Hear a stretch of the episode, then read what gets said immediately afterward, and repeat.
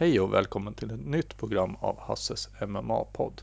I det här programmet kommer vi diskutera UFC om Fox 18, Johnson vs Bader. Och det kommer jag, Joel Wahlund, att göra för att få lite mer diskussion kring de olika matcherna. Det kommer också vara ett inslag när Erik Sjögren kommer prata om någonting som hör MMA-världen till. Då var det dags att diskutera galan UFC om Fox 18, Johnson vs Bader. Och med mig för att diskutera det här så har jag Joel Wahlund. Jajamän.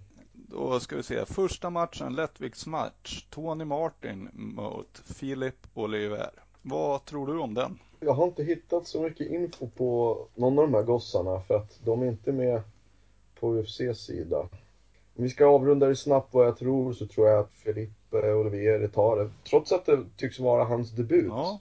Tror jag ändå att han tar det. Jag tror inte att Tony Martin, så vitt jag kan veta, inte har gått kanske en eller två matcher hittills. Men han har ett eh, lite lägre rekord. Eh, eh brassa, brassarna tar det. Eh, jag tror som dig. Jag tror att Philip Oliver vinner på submission i rond 2.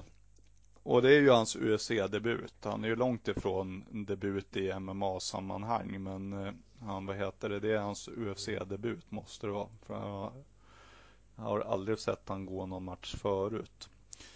Eh, Tony Martin har ju gått en match, eller han har fan gått fyra matcher i UFC tidigare.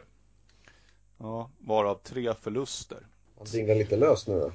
Ja, han dinglar nog löst och Philip Oliver har ju, även om det här är hans debut och UFC en liga för sig, så kommer han från en tre win streak. Mm. Och han har aldrig någonsin förlorat på submission. Mm. Så att, och Tony, han har aldrig vunnit på knockout. Så att, Jaha, ja, ja. Så att jag tror att den här kommer gå till marken och jag tror att där kommer brassen visa vem, vem som är den starka av dem. Ja. Ja. Nästa match har vi en fjäderviktsmatch med Damon DeLeach Jackson och Levon The Hornet Makasheveli. Där tror jag, eh, om jag börjar den här gången, så tror jag att det är Levan Makashevili eh, som kommer vinna på decision. Och jag tror att Damon Jackson kommer gå ut skithårt. Men jag tror inte att det kommer räcka. Utan eh, han kommer ta ut sig och sen så kommer Makashevili liksom bara ta över i rond två och sen styra den mot ett decision till sin fördel. Ja, ja. Han, om man ska se statistiskt sett så tycker jag han ser lite bättre ut, lite vassare. Mm. Eh, Levanda. Jag, jag, tror också att han tar det. Och han är dessutom favorit såg jag på UFC Fantasy där. Inte för att man kanske ska gå på det som en absolut sanning i någon form men Nej. ganska övervägande 73% trodde att han skulle vinna. Ja, kanske säger något om något. Så kan det vara. Båda kommer ju från varsin förlust också på senaste. Jag tror det också att uh, Levan har, sina tio vinster är fem vinster med KO tror jag och fem vinster är via decision så att det är ingen submission killer kanske just. Men å andra sidan har Damon Jackson inget som tyder på att han verkar vara någon, någon grappler eller någon, någon sådan form. Så jag tror, jag tror, jag tror också att Levan tar mm. BKO. Ja, där håller jag inte riktigt med dig, för Damon Jackson har ju faktiskt sju submission wins. Okej, okay, han har det. Eh, men eh, däremot så har Damon eh, Jackson aldrig vunnit ett decision. Han har faktiskt aldrig kommit till decision om man ska titta på hans record. Men jag har svårt att se att han på något sätt kan ta Levon. Så att, och går det till decision så tror jag att Levan vet mer hur man ska fria till domarna och slåss på ett snyggt sätt. Då har vi nästa match, det är en welterweight och då är det Matt Dwyer mot Randy Brown. Matt Dwyer baserat på hyfsad eh, accuracy och åtta vinster på TKO. Med bra defense på ett UFC på 53%. Ja, han tar inte emot så mycket stryk heller. Han, han, han ger inte så mycket stryk snarare, men det låter som att han då i så fall räknar ut att han kanske väntar på bra chanser. Så jag tror på KO i rond 2. Mm. Där kan vi bara vara överens om rond 2. Jag tror att eh, Randy Brown kommer lyckas få ner Matt Wire. Och får han ner honom, då är det kört. Det är jag helt övertygad om. Randy Brown gör ju sin UFC-debut förvisso Så han har ju aldrig mött det motståndet de väl möter när de kommer till UFC. Men han har ju inga förluster. Han har ju 6-0 i rekord. Och han har vunnit på fyra KO och två sub. Så jag tror att han kommer lyckas ta ner eh, Matt Wire och sen eh, kommer han, vad heter det, avsluta honom i rond två.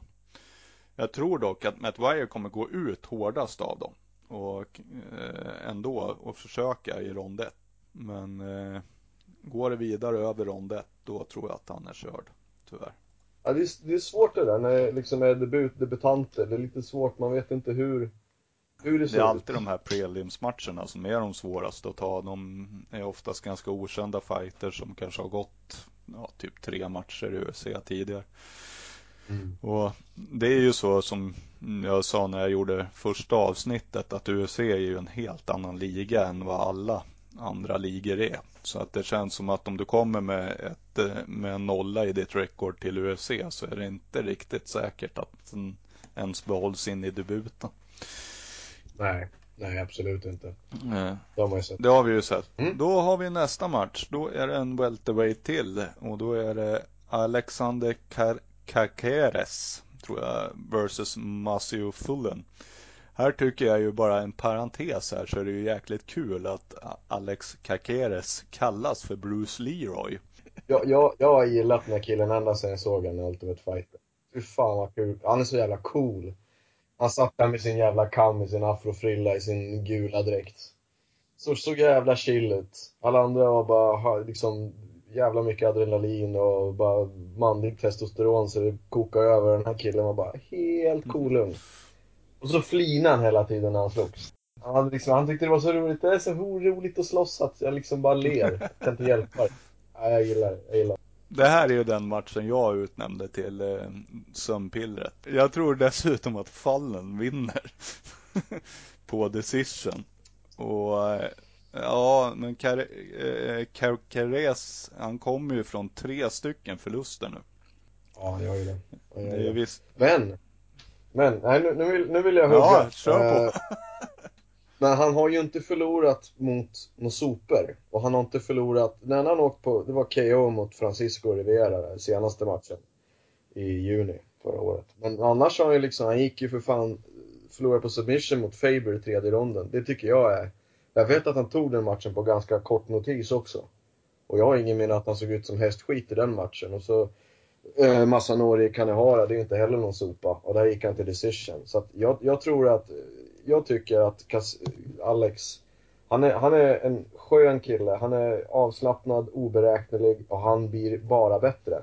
Han har haft lite otur. Han har inte kommit så högt upp i rankingen som jag hade hoppats eftersom att fan, han är min favorit på det här kortet. Det, kan jag inte sticka under stol med. Jag tycker han är, jag tycker han är störtskön. Ja. ja. Jag vet inte så mycket om den andra killen, Mashu och Fullen. Eh, eh, men eh, fan, alltså tre förluster och senaste på 20 sekunder i knockout. Nu är ju Francisco Riviera ingen sopa och inte Ingen av dem är väl det som han har förlorat mot skulle jag vilja säga senast. Jag menar Faber har väl de Faber är väl en av dem som alla förlorar emot fast de vinner ändå. Så. Ja. på något konstigt sätt. Men sen är det så här, vilken tror du Masio Fullen förlorade mot senast? Ingen mindre än Makvan Amerikani. Mr Finland på submission i första ronden. Jag har för mig att det gick supersnabbt. Ja, 1.41. Så att ja, det, det, är rätt snabbt. Det är rätt snabbt. Eh, Mr Finland är ju en av mina favoriter faktiskt. I övrigt ja. så i periferin. Men ja, tror ändå att han kan ta hem det faktiskt. Nej, han gick mot Alex Torres förut som är en riktig no-name som jag inte ens tror är kvar i UFC faktiskt. Men att förlora mot Mr Finland, det kan man nog inte lägga något tyngre värdering i. För jag tror att det är en kille som verkligen är helt galet bra faktiskt. ja, men det tror jag också. Ja, nej men vi får väl se. Det utspelar sig väl vem som vinner av de två. Ja, men jag, jag, tror, jag tror Alex kommer ta det på decision. Jag tror att han, just att han har tre förluster i sitt bagage, ändå mot bra motståndare, gör att han kommer ta det lite cool får jag. Och jag tror att han kommer vinna på det i längden faktiskt. Och jag tror att han vinner på decision. Eller ja, hjärtat säger det i alla fall. Men å andra sidan, ja men vad fan en del personer som försvinner ut ur sig får ju liksom en riktig jävla eh, liksom vänder på skiten och kommer tillbaka bättre än någonsin. Det finns många man saknar faktiskt som har slutat. Jag saknar ju Bäckström bland annat om vi ska glida in på det sidospåret. Eh, jag tror ju att han kan bättre än vad han lyckades prestera i UFC. Men det är bara, han är ju fortfarande ung så att chansen finns ju verkligen att komma tillbaka. Precis, det gör det. Samma med Mats Nilsson. Ja, exakt. För att nämna svenskar. För att nämna svenskar, ja. Men vi går tillbaka. Då har vi welterweight-matchen George Sullivan mot Alexander Jakorvi. Uh, jag tycker att det här kan vara en riktig, det kan bli en riktigt spännande match. Mm. Tror det. Och jag tror att Alexander, han har mött bättre motståndare sina senaste och vann senast mot uh, Gray Maynard, förlorade mot Nico Musuke och Damon Maya. Och det var via decision. Det tycker jag är ganska bra facit i hand, speciellt Damon Maya och gå tiden ut mot den killen. Förlorar visserligen då, men ändå. Damon Maya är fan Damon Maya och Gray Maynard. Och vinna mot honom tycker jag är en ganska bra fjäder i hatten. Jag, jag tror att han kommer eh, eh grinda för att vinna liksom. Han kommer, han kommer hålla sig, jag vet inte. Här, här har vi ju ännu en eh, som åker på en förlust mot en svensk. Han förlorade ju även mot Nicolas Musuko. Jag, tror att han tar, han tränar upp sina takedowns och tar ner honom och subbar honom första ronden redan faktiskt. Oj, redan där? Okej. Okay. Ja, det, tror jag. Uh... För jag, vet inte, jag, jag får intrycket uh, liksom när man ska se att jag tycker att det verkar som att George slår mycket men träffar inte så mycket. Nej.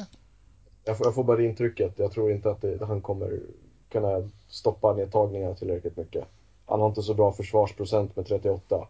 Nej. Och Alexander har liksom 83. Visserligen har inte, det är det jag menar med att om, om Alexander kan öva upp sina takedowns lite så tror jag att han kommer få ner honom och sen slut på honom. Förmodligen. Mm. Så bara... Ja, jag tror faktiskt som dig, men jag tror att den går till decision. Jag tror mm. att Alexander vinner fast på decision och, och jag tror att om man får ner det till marken så är jag inne på ditt spår. Då tror jag att han, vad heter det, vinner. UFC Fantasy tar ju den här som en tight matchup. Det vet jag inte riktigt om jag håller med om faktiskt. Och jag tror att, att vad heter Alexander kommer leda hela den här matchen från rond två. För jag tror precis som du att George Sullivan han kommer gå ut och svinga allt vad han har i rond ett och ja. är skittrött liksom. Ja. Och, och Alexander har aldrig blivit knockad.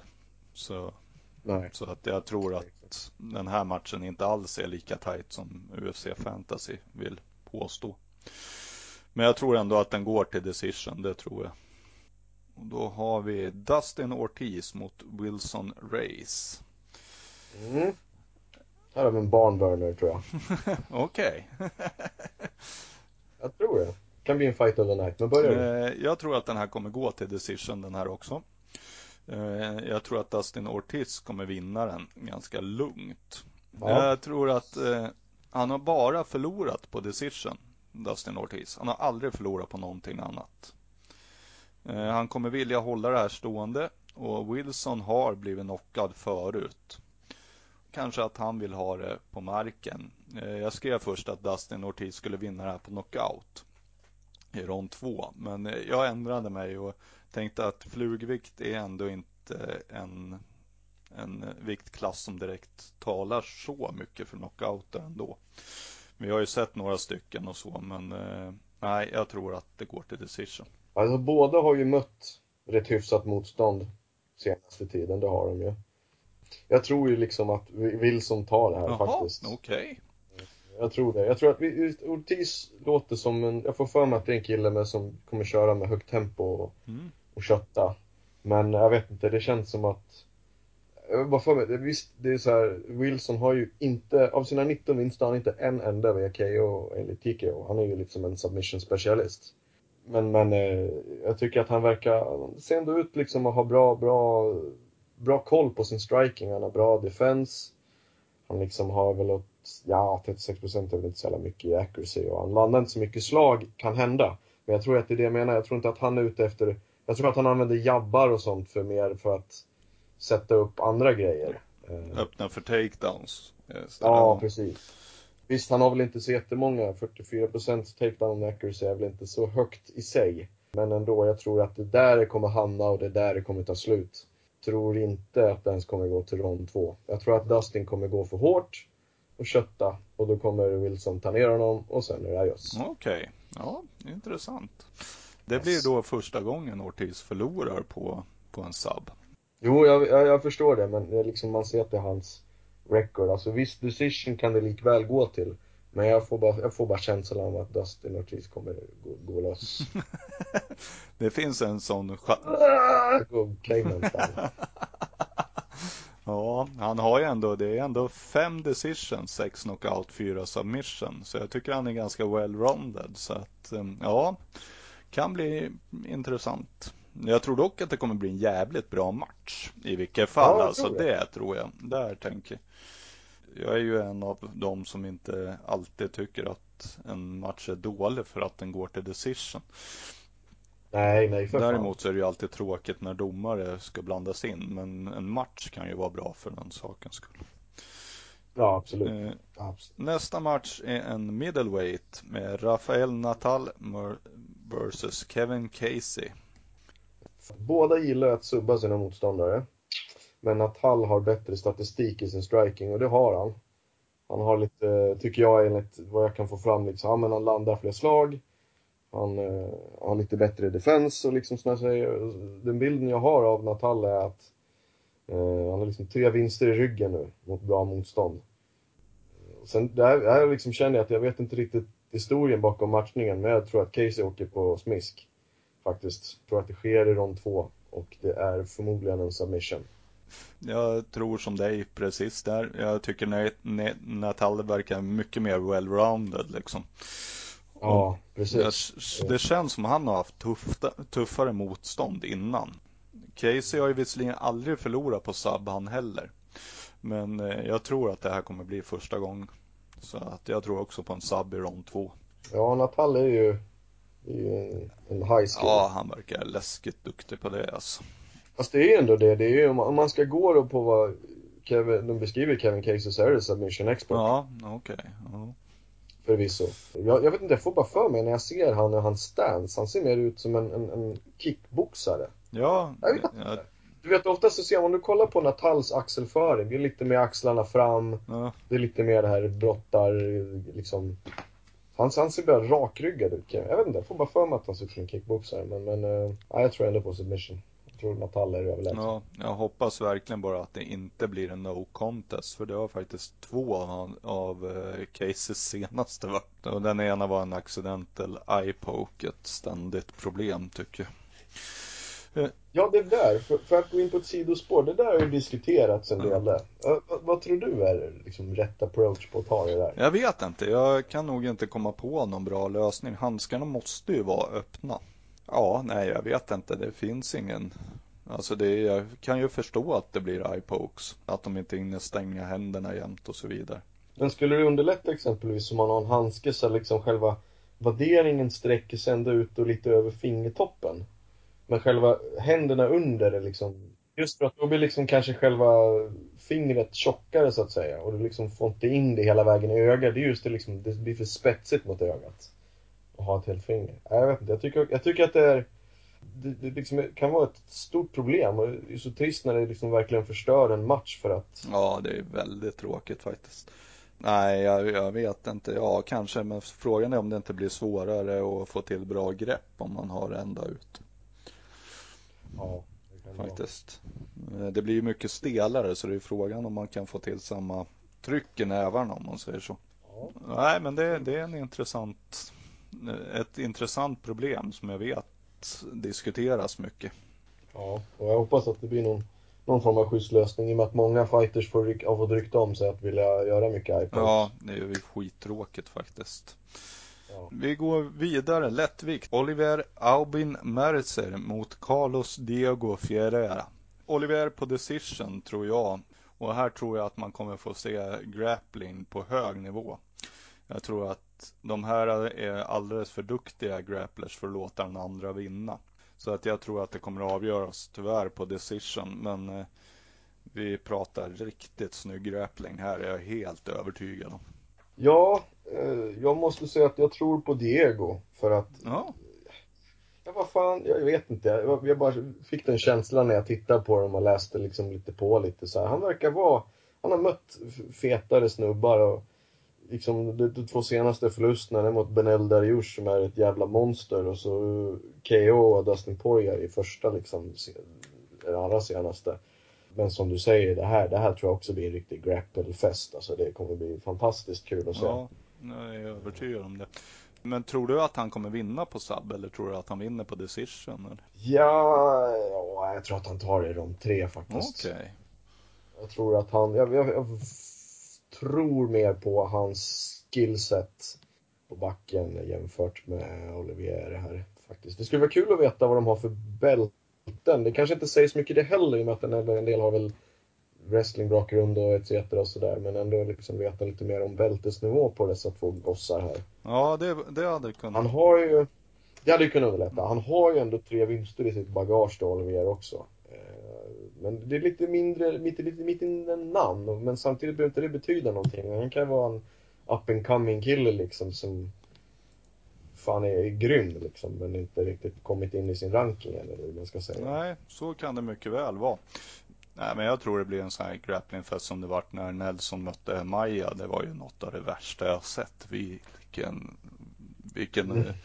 Tyvärr lite förödmjukande för Nelson, men även att liksom stå emot allting Maja höll på med så var det ju, ja det var ju helt otrolig match faktiskt. Ja, Maja det det är absolut världsklass. Ja, det var liksom, han fick Nelson att se dålig ut och då så är inte Nelson dålig. Inte, någon... inte, inte i någon form, nej. Eh, då har vi nästa match. Tarek Safadin mot Jack Ellenberg på welterweight.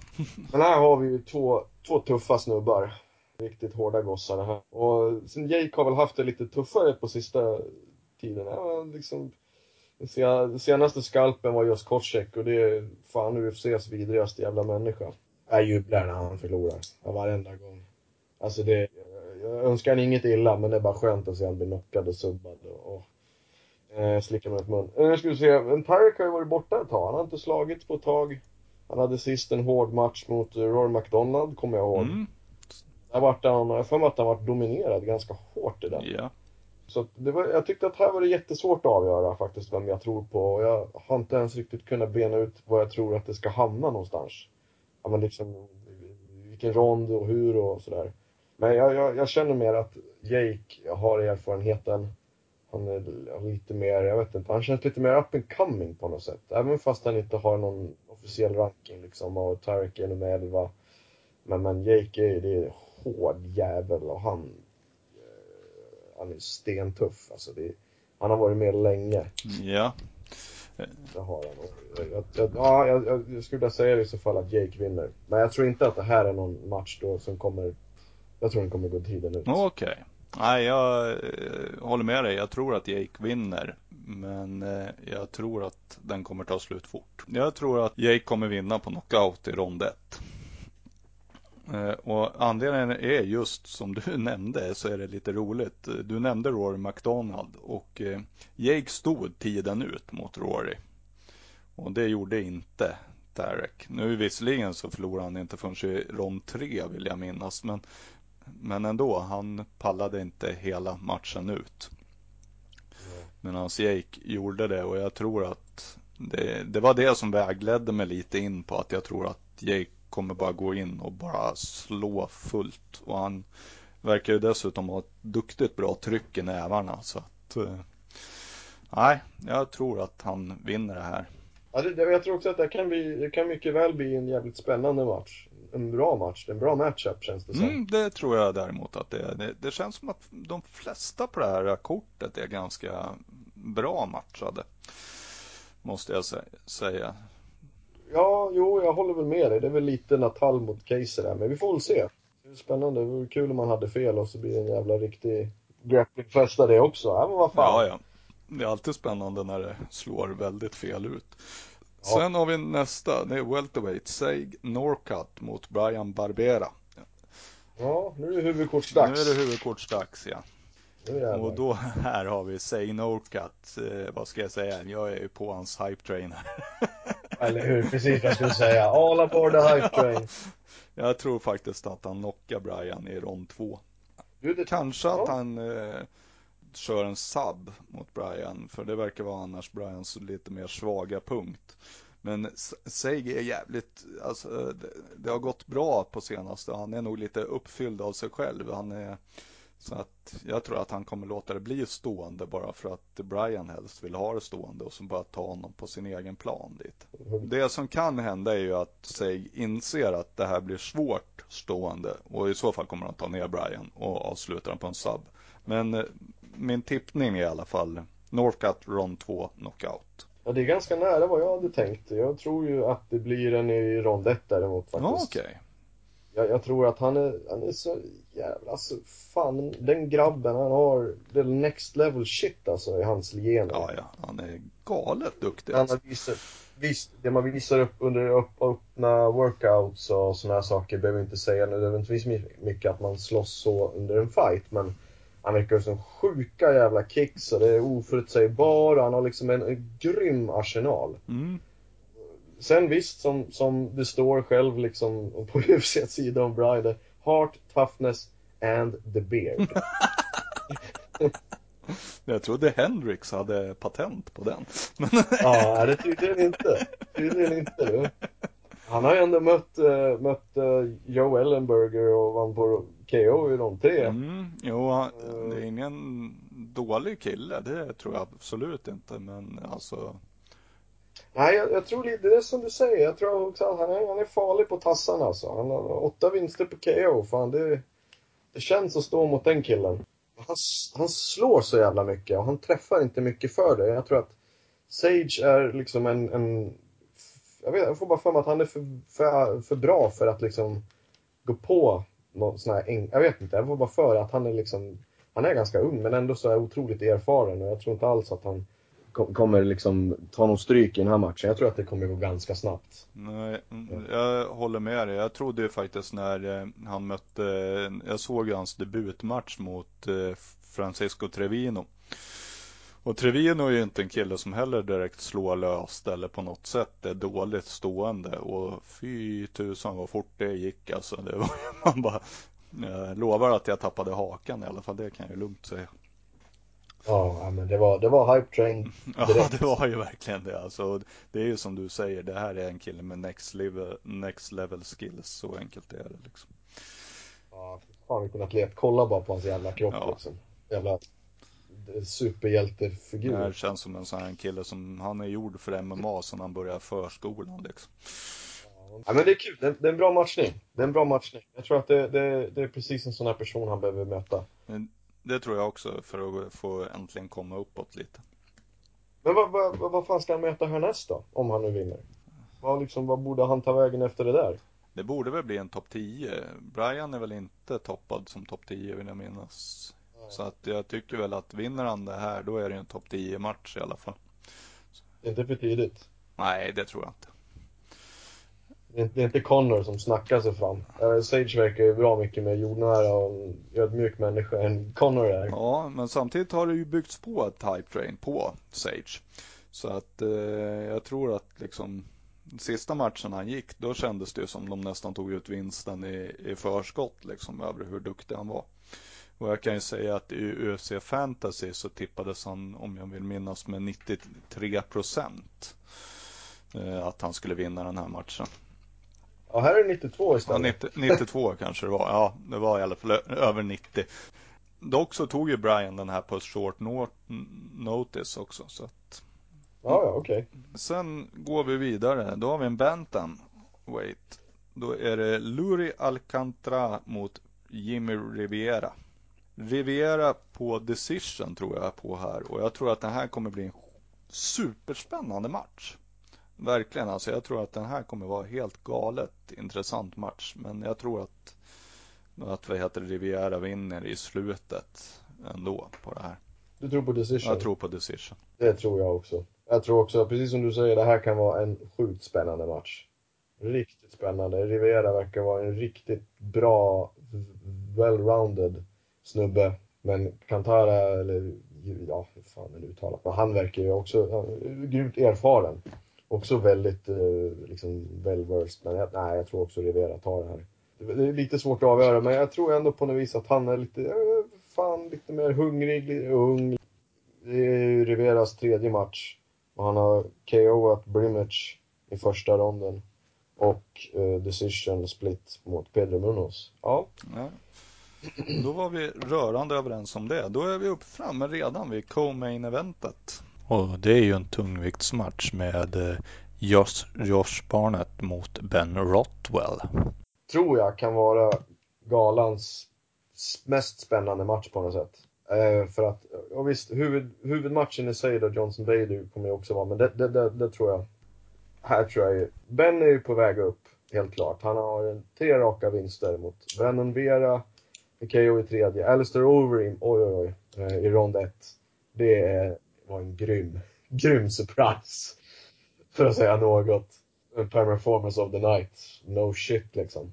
Eh, och så vann han senast mot submission mot Matt Mitrione. Ja, det var också ganska imponerande måste jag Ja, det är inte illa alltså. Han är stor, han är stark, han har ett brett skillset. Han har liksom bara förlorat mot toppskiktet liksom i Heavyweight Division.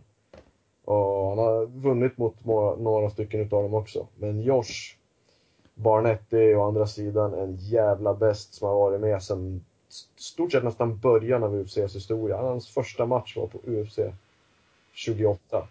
High stakes. 17 november 2008 alltså. Han har varit med, han har slagits i Pride och han har slagits i Strikeforce. Jag gillade hans eh, nickname eh, tidigare som var Warmaster mycket mer än den nuvarande The Babyfaced Assassin. Men de har, de har ett ganska likvärdigt record faktiskt. Josh Barnett 34 och 7 och Ben har ju 35 och 9 så det är Välluttrade herrar båda, absolut. Josh kanske har gjort sig lite mer, slagits i de stora galorna lite oftare. Däremot så ser han ut att vara i mycket bättre form än han har varit tidigare. Han har gått ner till mycket, mycket mindre kroppsfett än tidigare. Drygt hälften av hans vinster går ju via submission. Det är, det, det är där han är som allra starkast. Och, liksom, och sen när man tittar till statistiken så ser det bättre ut på hans sida och jag tror han tar det här. Han är liksom en jävla bäst. Han är riktigt jävla grym på sitt submission game. Jag tror det är där det hamnar och jag tror att det hamnar där förmodligen rätt så tidigt. Jag skulle nästan vilja säga rond ett, men det känns lite bone. Okej. Okay. Inte, det är inte, ben, inte så att Ben inte vet hur man försvarar sina takedowns direkt sådär, men jag tror ändå att Josh kommer ta ner honom och, och, och göra mos. Ja. Jag tror, du tror i rond två då att... Eh, ja. Ja, nej jag tror att eh, Ben kommer vinna det här faktiskt på knockout i rond två. Och ha knockat Overeem och ha det i bagaget och komma från tre vinster eh, mot bra namn allihopa. Så, och jag måste ju säga att jag tyckte ju Matt Mitrone var på väg upp. Alltså jag tyckte att han hade skärpt till sig mycket när han gick matchen mot mot Ben sist. Så jag var ju helt övertygad om att Matt Mitrone skulle vinna den. Och det gjorde han ju verkligen inte. Så att jag, jag tror ju här på att eh, Rottwell kommer vinna på, på knock alltså. Även fast barnet är ingen, det är ingen leksak direkt alltså. Det är, Nej, fan alltså. Han eh, kommer ju stå och vara tuff, så är det. Jag tycker det är jättekul att han är tillbaka i UFC. Ja. borta. Jag, skulle, jag, jag vill jättegärna se honom som champ faktiskt, innan han går i pension. Han börjar bli lite till åldern och det är i och för sig, Ben är inte heller någon ungdom, men jag vet inte, jag, jag bara gillar honom. Jag, jag, jag har lyssnat mycket på honom när han är med i Joe Rogans podcast och sådär. Han är en skön individ, tycker jag. Ja, ja, det är han ju verkligen. Han, han är sund på något sätt. Jag, jag hoppas att han vinner, men eh, jag tror, jag tror mm. det huvudmatchen som är mellan Anthony Johnson och Ryan Bader är vi framme vid då. Kan ju gå ut först här och säga att jag tror att eh, Anthony Johnson vinner på knock i rond 1 mot Ryan Bader. Alltså det är ju så, varenda match med Johnson hittills så har vi fått sett ett slag eh, som är inte av denna världen. Det sänkte Gustafsson, det sänkte Cormier eh, och hur den människan bara studsar upp från det slaget var ju bara helt imponerande. Dock är det ju så att han blir ju gäst fort alltså. Så att om inte han knockar Bader i rond 1, då är det Bader som vinner.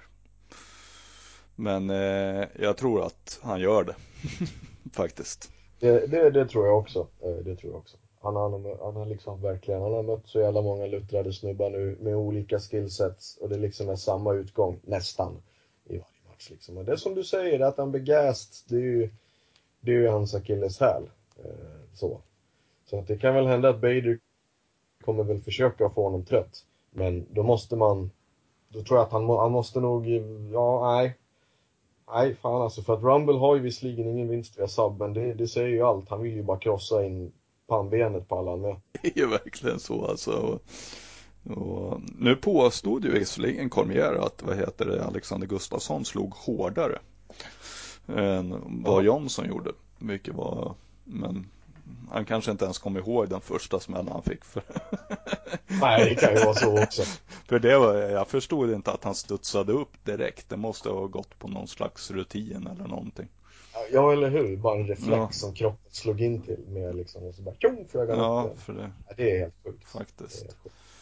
Nej, jag får, jag får också bara det. Jag tror, jag tror han vinner. Ja, det ska bli riktigt spännande att sitta uppe på lördag och titta. Men Bader, samtidigt, jag, jag, vill bara säga det faktiskt. Ehm, men just att Bader är ju ändå på väg upp, måste jag säga. Han har ju liksom fyra raka, tror jag, i bagaget. Och det känns som att han har verkligen adapterat sin, sin stil, eller fem till och med. Han har adapterat sin stil med att liksom vara mer, att gå på vinster. Det är fem decisions i rad. Och det är mot alla möjliga olika typer av fighters. Jag får bara för mig att han, han kommer väl, kanske mycket väl kunna vara väldigt väl anpassad till Anthony Johnsons power. Och kan mycket väl totalt överraska oss allihopa genom att göra slut på det här också rätt snabbt. Kanske, eller hålla det ut till decision. Det kan mycket väl bli så, för jag måste hålla med det där att Baders senaste har man ju märkt en helt ny Bader. Han har ju aldrig varit i den här formen han har varit nu. Ja, precis. Det är Bader 2.0. Ja, verkligen. Och nej, jag tror att han, han har en, han har, vin, klarar han rond ett, då vinner han. Det är jag helt övertygad om. Men, men det är alltså, de där slagen är inte att leka med alltså. Fy. Nej, nej, fan. Och det är faktiskt slutet på hela galan. Tack Joel för att du var här och hjälpte till. Fan, det här var ju trevligt. Ja, visst var det. Och efter den diskussionen så tycker jag faktiskt att vi hoppar vidare bara i programmet och hoppar in på, vad heter det, Erik Sjögrens och vad han kommer raljera om. Ja, vi kan kalla det för Eriks MMA-raljering kanske. Det har blivit dags för Eriks MMA-rant och vi ska prata om Har Reza en chans? Recap av hans karriär. Svensk mästare i brottning två gånger börjar träna MMA vid 26 års ålder och tar sin första MMA-match 2006 vid 28 års ålder. Det är en förlust.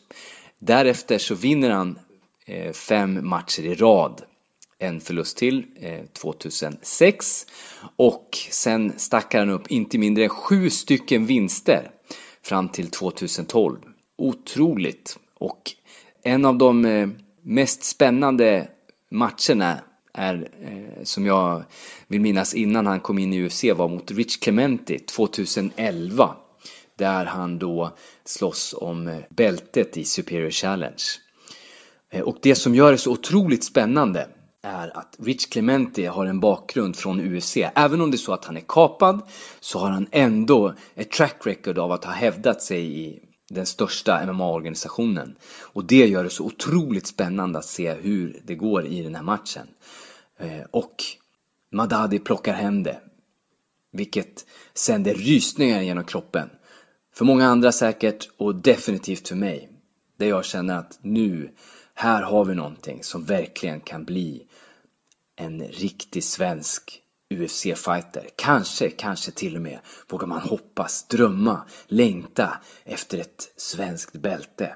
Det som man kan säga om Resas stil är att den är verkligen 100% hjärta parat med hårt arbete och också en, en vilja att våga kliva utanför boxen. Och det gör att hans matcher blir otroligt spännande. Det är inte bara så att han förlitar sig på sin brottning utan han vågar stå upp och trada. Hans första UFC-match som går mot Isquero, det är då en, en, en duktig boxare. Han är bra på fötterna. Reza eh, står och visar att han klarar av stående och har en brottningsbakgrund som Reza hellre skulle ta ner till marken så snabbt som möjligt. Vilket det blev här också då visserligen, men han visar ändå att han, han fixar det. Den här matchen eh, sker inför hemmapublik, för er som kommer ihåg. I Globen, 15 000 åskådare. Resa dyker in direkt när matchen startar. Åker på en propp. Och där någonstans så stannar hjärtat fram tills han återhämtar sig snabbt. Och det är det som, som är just den här tjusningen. Att Resa bjuder på en otrolig spänning.